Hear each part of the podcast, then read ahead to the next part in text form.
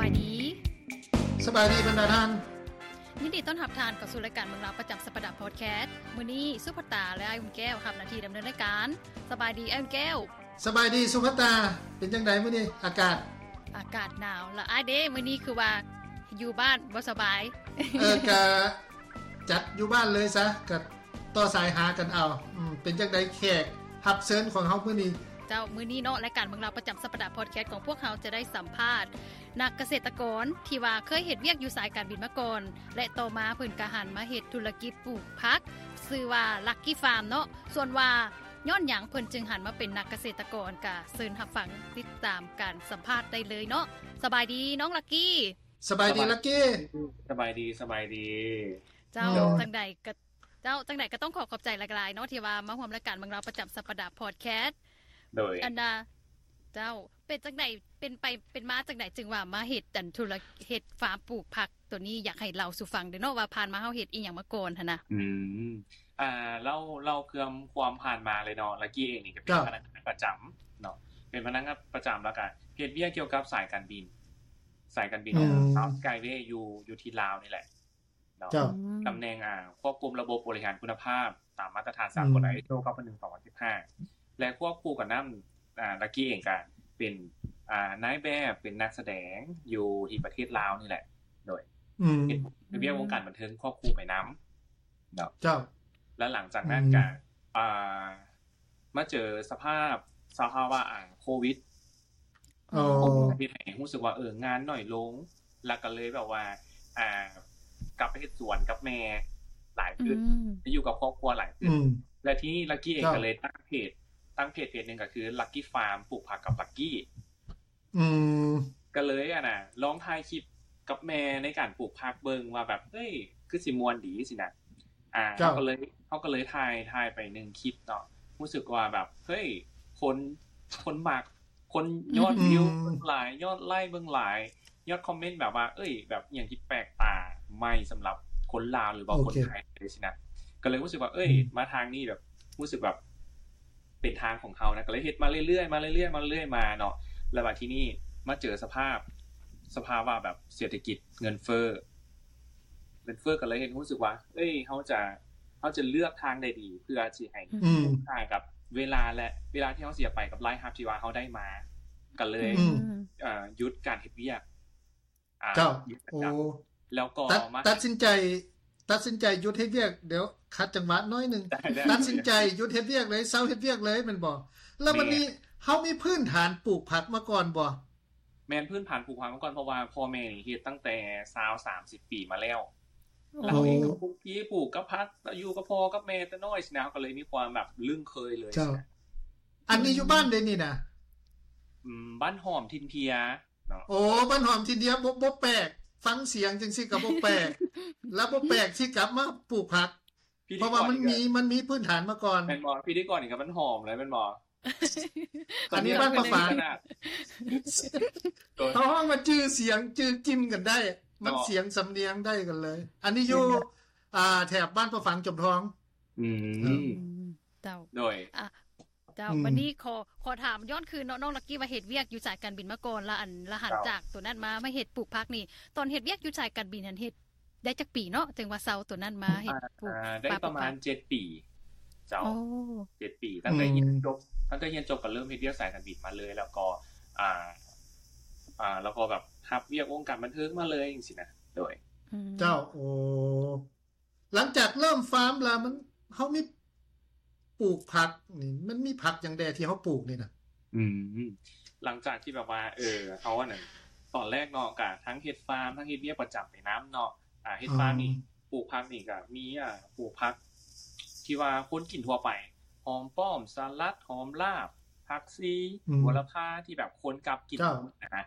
โดย อื อื ม มเจ้า ในละ บัดนี้อันพักหลังจากที่ว่าปลูกพักนั้นมาแล้วเนาะพักเฮานี่ส่งขายไปตลาดบ่หรือว่าเอาไปพันธุ์ขยายเป็นผลิตผลอันอื่นบ่หรือจังใดตัวนี้เป็นอาหารเสริมบ่หรืออีหยังกันน่ะ พักที่เขาปลูกนี่ส่วนใหญ่เลยจะแม่นแม่ค้ามาหับเอาอยู่อยู่สวน แล้วก็เอาไปขายอยู่ตามตลาดทั่วนครหลวงเลย เพราะว่า อืม อ่ะอยู่บ้านหอมนี่มันจะมีแบบว่าน่ะส่วนภาคหลายเลยชาวกสิกร จ้ะ หลายเลยแหละ แล้วก็ อืม มีค่าประจำที่บางกระเจ้ามาหับเอาแล้วก็ไป กระจายแต่ละตลาดทั่วนครหลวงเลยนั่นล่ะ อืม เจ้า เจ้า ตัวนี้มันเป็นผักเขาปลูกนี่มันเป็นผักอินทรีย์บ่หรือว่าผักจังใดเป็นกสิกรรมสะอาดบ่ พักพักทั่วไปเลยโดย อ๋อผักทั่วไปเลย โอ้ เจ้า ผักทั่วไปเลย อืม อันแต่ว่าได้ได้ยินมาว่าน้องลักกี้นี่เห็ดอันเกี่ยวกับอาหารเสริมเกี่ยวกับพักตัวนี้ดินได้เอาพักของเฮามาผลิตบ่หรือว่ามีแต่ส่งขายตลาดอย่างเดียวพักที่เฮา อ่า ปลูกมา พักที่ว่าเขาผลิตแมนมีแต่ทรงขายอย่างเดียว ส่วนพัก อ๋อ ที่แบบว่าผลิตภัณฑ์น้ำพักของเขาเนาะแมนนั้นอ่าผลิตจากทางประเทศไทย อืม อ่าเป็นก็คือว่าก็คือตอนย้อนจากพ่อแม่นี่แหละคือพ่อแม่เฮ็ดเฮ็ดอ่าเฮ็ดสวนพักอยู่แล้วเนาะแล้วเขาเองก็เป็นเขาเรียกว่าอย่างแบบ ก็คือเป็นนักการตลาดแน่อยู่แวดวงการหนักกล้องบันเทิงแน่ก็สิฮู้แบบโลก เจ้า หลายขึ้นสินะก็เลยแบบ อ๋อ กลับมาเอ้ยพ่อแม่เขาแบบเฮ็ดพักเขามีชื่อเสียงทางด้านปลูกผักอยู่แล้วเพราะว่าเขามีเพจเขาดังมาจากผักอยู่แล้วนะ เช่ เจ้า นผลิตภัณฑ์ดีอย่างดีเนอกเพื่อจะมาขายให้กับผู้คนหรือว่าเอฟซีที่ว่ามาติดตามเขาเนาะก็เลยแบบ โอ้ ได้ผลิตภัณฑ์ตัวนี้ อืม เป็นคอลลาฟิลเป็นคอลลาฟิลน้ำพัก ซึ่งมากินแล้วขับถ่าย จ้ะ ง่ายขับถ่ายสะดวกซึ่งแบบ อืม แบบเอาอยู่พร้อมเป็น หอยหอยโฆษณาเลยบัดนี้ถือโอกาสโฆษณาเลยบัดนี้ เพราะฉะนั้น มันนี่มัน หนึ่ง เจ้ามาเบิ่ง โดย คือว่าเฮาเฮามีพื้นฐานเรื่องการนะโฆษณาประชาสัมพันธ์แล้วนะมาเบิ่งว่า ผลิตภัณฑ์อาหารเสริมที่เฮาขายนี่ก็ก็ขออนุญาตบ่ใส่ชื่อซะเนาะว่า ได้ มัน ได้ มีสิ่งท้าทายอย่างใดกับเรียกงานเฮานี่นะ ผลิตภัณฑ์ที่เขาเห็นนี่เนาะมีสิ่งท้าทายอย่างไร เจ้า โอเคกาท่าทายคือว่ามันเป็นมันเป็นผลิตภัณฑ์ที่แบบเขาสั่งมาเอง และเขาจะเฮ็ดให้จัง เจ้า แล้วเขาจะเฮ็ดให้ผู้คนทั่วประเทศลาวนี่ผู้แนวไหนว่าเขามีผลิตภัณฑ์ตัวนี้ เอ่อเจ้า เป็นสิ่งที่ท้าทายหลายเพราะว่าอย่างอ่าเขาเฮ็ดออกมาเขาก็อยากได้ขายผลิตภัณฑ์เขาก็เลยแบบเฮ็ดคลิปเรื่อยๆเฮ็ดคลิปให้คนติดเรื่อยๆก็คือแบบให้คนเห็น อืม สินค้าของเขาเรื่อยๆเห็นคนผลิตภัณฑ์เรื่อยผู้ใดที่เบิ่งคลิปลักกี้ลักกี้จะทายอินผลิตภัณฑ์ตลอดเวลาฉะนั้น อืม แล้วก็โฆษณาตลอดว่าเอ้ยกินแบบดีแบบนี้แบบนี้แบบนี้เด้อสินะบางคนที่แบบลองกินแล้วก็รู้สึกแบบ เอ้ย มันกินแล้วมันดีแท้ครับทายดีก็เลยแบบซื้อซ้ำไปตลอดก็เลยเฮ็ดให้สินค้าเดี๋ยวนี้ติดตลาดแล้วโดย อืมแต่วันนี้เว่าเรื่อง โอ้ สินค้าตัวน้ำพักนี่เนาะอัน เริ่มผลิตขายมานี่ได้หลายปีแล้วบ่เนาะหรือจังได๋ อ่า เริ่มตั้งแต่เดือนเดือนห้าปีนี้กับประมาณหก อืม เดือนกับ อืม เดือนที่เจ็ดแล้วโดย โอ้หกเดือนละ โดย ถือว่าไปไปได้ดีอยู่เนาะ โดย อ่าจำหน่ายไปแล้วเกือบสองหมื่นกว่ากล่อง โอ้ อ๋อเจ้า บัดนี้เกี่ยวเข้ามาว่าบ่เว้าเรื่องปลูกผักนี่นะ อ่ะ อ่าของลักกี้นี่มีเนื้อที่หลายปานใดเนี่ย ที่ว่าปลูกอยู่บ้านทินเพียเฮาเนี่ย เนื้อที่นี่ก็บ่หลายเนื้อที่ประมาณเก้าไร่ โอ้ อ๋อ กำไร สลับเปลี่ยนสลับพับเปลี่ยนกันไปเรื่อยๆโดย อ๋อ อัน สลับ แล้ว เจ้า บัดนี้เนื้อเนื้อทีสำหรับแล้วบัดนี้อันคนงานดิฉันเป็นจังไดอยู่ในหันหลายบ่นะต้องที่ว่าเบิ่งแยงอยู่เลย อ่า พั ค ก นงานบอคนงานนี่เป็นรับจ้างทุกมือรับจ้างเป็นมือเอา เจ้า ล่ะ อ๋อ โอ้เป็นมือเอา แมน อืม บัดนี้ในสภาวะเงินกีบเฟ้อเนาะเฮามีผลกระทบหลายบ่อันในการอันปลูกผักเนาะเป็นต้นว่า ต้นทุนบ่หรือว่าฝุ่นปุ๋ยอีหยังต่างๆหั้นนะเฮาได้รับผลกระทบ อืม บ่เนาะเลย อ่า จังได๋ คอน เจ้า ที่ได้รับผลกระทบเช่นกัน เพราะว่าอย่างต้นทุน อืม เดี๋ยวนี้ก็ค่อนข้างที่จะคูณสามก้าวเข่าคูณสี่แล้วนะตอนนี้คูณสี่ของมูลค่าที่มูลค่าที่แบบยังบริเงินเฟ้อนะก็รู้สึกว่าบอจะปุ๋ยฝุ่นหรือว่าในพักแกนพักอย่างต่างที่เราซื้อมาเนาะกับเพิ่มขึ้นหลายเลย เนาะกับถือว่า เจ้า พื้นหลาย แต่ว่ามันก็เปลี่ยนไปตามกลไกของการของการตลาด เพราะว่าอย่าง อื ใน ม กรณีที่แบบต้นทุนสูงเนาะมันก็จะมีอันบางเศร้าหัวเศร้าส่วนที่แบบว่าเขาเจ้าบ่มีทุนที่จะเฮ็ดนะแล้วก็ผักมันก็จะขาดเฮ็ดให้ตลาดเฮ็ดให้ตลาดมีขาดอ่าขาดขาดพัก และเฮ็ดให้พักนี่ราคาแพง อืม โอ้ อืมก็บางครั้งก็จะ มั เป็น นเฮา โดย เจ้าเฮาหักปรับไปตามกลไกเลยแม่นบ่ แม่นมันก็คือราคานี่ครับบ่สามารถกำหนดเองได้ มีแต่ตลาดเป็นคนกำหนดให้เขาคือแบบคันเมื่อใดภาคขาดตลาดราคาก็สิขึ้นสูงราคาชนิดนั่นคันเมื่อใดภาคหลายก็ราคาก็เริ่มอยู่โตประมาณนี้ มันบ่ราคาตายโตสำหรับผัก อืมบ่มีราคาตายตัวแล้วมาเบิ่งว่าอันน่ะแนวผักเด้เฮาได้เพาะพันธุ์เองบ่เฮาได้เก็บแม่นแนวเองบ่หรือว่าเฮาซื้อมา อ่าบางชนิดแม่นเก็บเอาเอง ก็คือแบบปลูก ครับ แล้วมันก็เกิดดอกแล้วก็ เกียวมันเมี่ยนแล้วก็ตากแห้งเพื่อที่จะ อ่าเอาไปตากแห้ง บางแกนเนาะเฮาส์โบสามารถที่จะแบบอ่าโลถ่านมาได้ก็ซื้อซื้อเอาโดย โอ้เจ้า อืมซึ่งตัวอย่างมันมีแนวพันธุ์ผักอย่างใดที่ว่าเฮาสามารถที่ว่า เก็บรักษาไว้เองนี่มันมีอย่างใด อ่ามันจะมีในอันนั้นอ่าอ่าพักตังโอผมบอกใส่ชิ้นจุ่ พักตั ม ง เส้นอย่างนั้นนะพักตังโอ พักต่าง อยู่ โอ้ นอกนี้บอก โอเค ฮู้ตั้งโอโอเค บ่คือคือสิบ่มีติเนาะไม่บ่แม่นผักกาดหน้ามันติ เออก็มีผักตั้งโออยู่นี่ก็มีนะก็มี โอ้ ก็เห็นเขาขายอยู่ พักตังโอ แล้วมัน พักหัวละพาหรือว่าพักอะไร อืม พักหมที่ว่าแบบมันง่าย อืม ๆ สามารถเก็บได้แต่ส่วนใหญ่สวนลักกี้จะบ่ค่อยเก็บดอกเพราะว่า อ่า อ่าลกแล้วเนาะกับพวนดินบ้านไม่ลกแล้วกับพวนดินบ้านไม่จะแบบบ่มีสวนเฉพาะที่แบบ อืม ได้พักกันนะ อืมเจ้า เจ้า บัดวันนี้มาเมาถึงเรื่องการปลูกผักโนวาอันใช้ระยะเวลาโดนบอสำหรับผักสกนิดหนึ่งจึงสามารถอันเก็บไปขายได้แบบสิฮะนะ อืมพักสักนิดนึงประมาณสามหาสี่สิบห้าวันเนาะตัวอย่างคือบัวละพา อืม กับบัวละพาอีกประมาณเศร้ามือได้เก็บอันหนึงสมมติว่าปลูกบัวละพาเนาะมันก็จะเป็นต้นใหญ่แตกหนอออกแหน่งตลอดเวลามันจะเก็บ แต่ ได้ เนาะ ยาวเลยห่าง เก็บได้ตลอด แมนซาวมึงก็จะเก็บเพื่อหนึ่งสมมติพักของป้อมพะวันลงไปกันอ่าใช้เวลาอยู่ประมาณสี่สิบห้าวันแบบทวน ส่วนใหญ่กับสี่สิบห้าวันเลยที่แบบเก็บเกี่ยวเท่อหนึ่ง อ๋อสมมุติว่าบักผักบริพานี่เฮาได้เฮาได้ปลูกเทื่อนึงแล้วมันได้เก็บตลอดตัวตัวนี้นะ แมนแมนได้ปลูกเท่อหนึ่งแล้วมันก็เก็บตลอดระยะยาวเลยมีแต่หักษาให้มันแบบ อ่าโบโบโบให้มันต้นตาย เป็นจังใดบัดนี้เมื่อว่าอันเปรียบเทียบเวียกตัวเก่ากับมาเห็ดเวียกฟาร์มตัวนี้นี่เป็นจังใดมีความแตกต่างกันแนวใดแบบเรื่องเวลาบทต่างๆค่ะนะมันเป็นจังใด จากก็คือแบบคล้ายๆคือถามมาจากเป็นพนักงานประจำมาเฮ็ดธุรกิจ เป็นแบบ แม่นแม่นมันก็แปลกๆดี เป็ นะ นแปลกๆดีคืออ่า กล้ากล้ากล้าตัดสินใจขนาดเฮายังหนุ่มยังน้อยอะนะ อ่าอ่าก็คือแบบ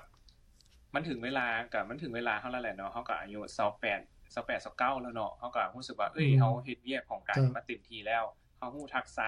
ในการสื่อสารทักษะต่าง ๆ ที่แบบในการเฮ็ดเวียกมาหมดแล้วมันนี่คือแบบเขาลุยเอาเองเลยสินะก็เลยแบบตัดสินใจ เจ้า คือข้อแตกต่างก็คือเรียกประจำนี่ก็อยู่ตามโมงเนาะอยู่ตามโมง อืม แล้วก็ตามหนาวิทยาที่เพื่อนวางให้ หรือว่าตามหนาวิทยาที่ ค แบ รับบ อ่าบอร์ด อืม ตั้งมาว่าอยากเฮ็ดแบบนี้แบบนี้แผนแบบนี้ตามแผนสินะคือในกรณีที่มาเป็นธุรกิจธุรกิจของตัวเองนี่มันจะเป็นตัวของเขาเองนี่นำตัวเองเพื่อที่จะไปเฮ็ดคือแบบเขา เป็นนาย เป็นนายตัวเองคือซะเขาจะ เขาสิตื่นจากโมงก็ได้ แต่ว่า เจ้า คนรับก็คือ คือสิ่งที่เขาลงมือเห็ดเขาเห็ดหลายเขาก็ได้หลายเขาเห็ดหน่อยเขาก็ได้หน่อยเนี่ย อืมเจ้า แล้วมาเบิ่งว่า เอ้าเว้าง่ายๆข่อยก็อยากฮู้ คนอื่นก็อยากฮู้หลายครับข่อยสนใจเงิน สนใจเงินสนใจไรายครับ เจ้าคนใจเงินหลายครับนี่เท่าใด ไรายครับ ก็บ่บอกตัวเลขตรงๆ ก็ได้ แต่ว่า เปอร์เซ็นต์ ถาม บอ ว่า เออ คันสมมติว่าไรายครับนี่อ่าคันเรื่องเรียกเรียกเรียกอ่าเรียกฟาร์มเรียกสวนเนาะจะมี เจ้า จะมีครับเรียกฟาร์มจะเป็นเว่าเรื่องแบบ family family business นะก็คือแบบ อ่า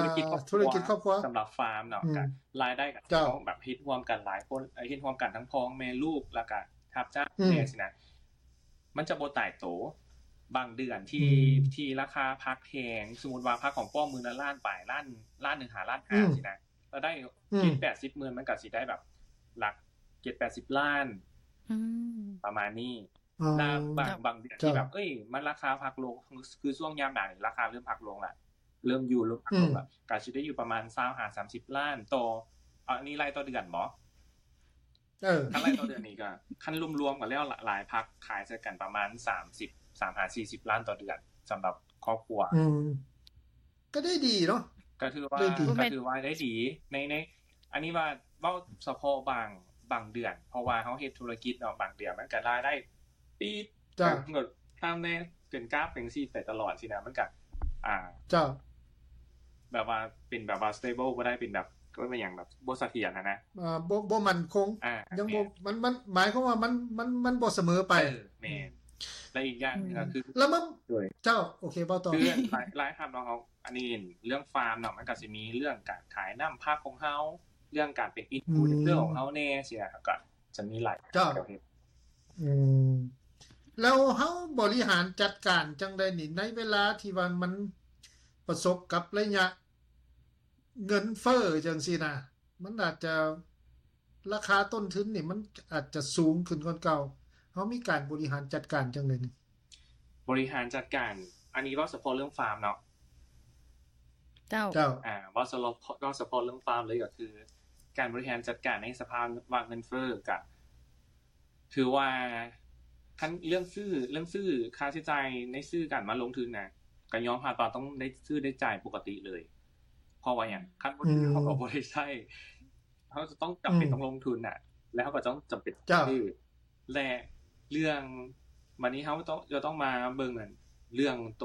รายหับ